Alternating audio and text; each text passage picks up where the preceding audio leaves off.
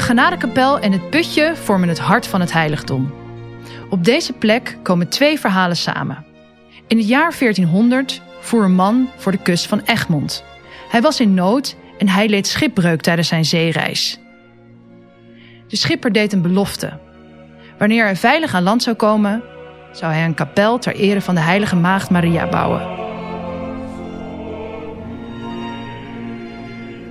Later vond een jongetje een houten Mariabeeld op een akker en hij bracht het mee naar huis.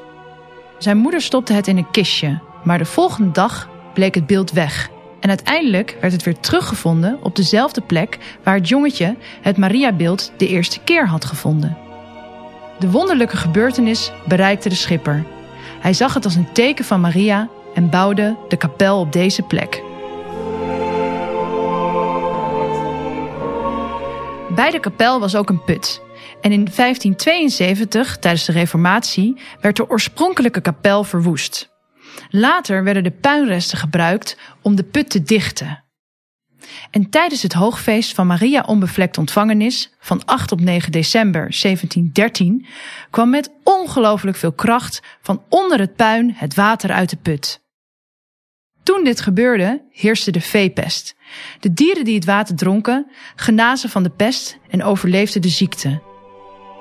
Dit mirakel van het putje werd rondverteld en al snel kwam men van heinde en ver met kannen en kruiken om geneeskrachtig water te halen voor mens en dier.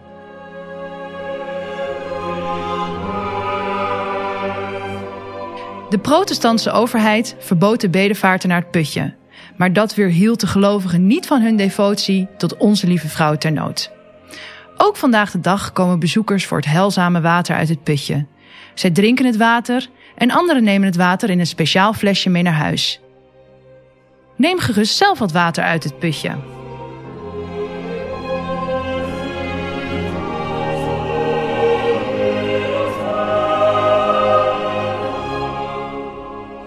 Dan over de kapel.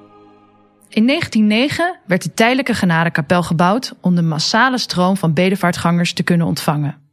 De huidige en definitieve genadekapel werd in 1930 gerealiseerd. Het ontwerp is van Jan Stuit. Hij ontwierp ook de grote bedevaartkapel. De fresco's in de genadekapel zijn van de Haarlemse schilder Han Bijvoet. Hij maakte ook de wandschilderingen en de glas- in loodramen in de Sint-Bavo-kathedraal in Haarlem.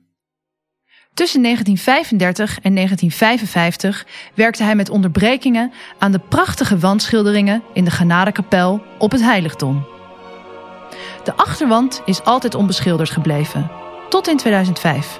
Toen won de Amsterdamse kunstenaar Mieke Schobbe met haar ontwerp de kunstwedstrijd met het thema Maria en de noden van deze tijd.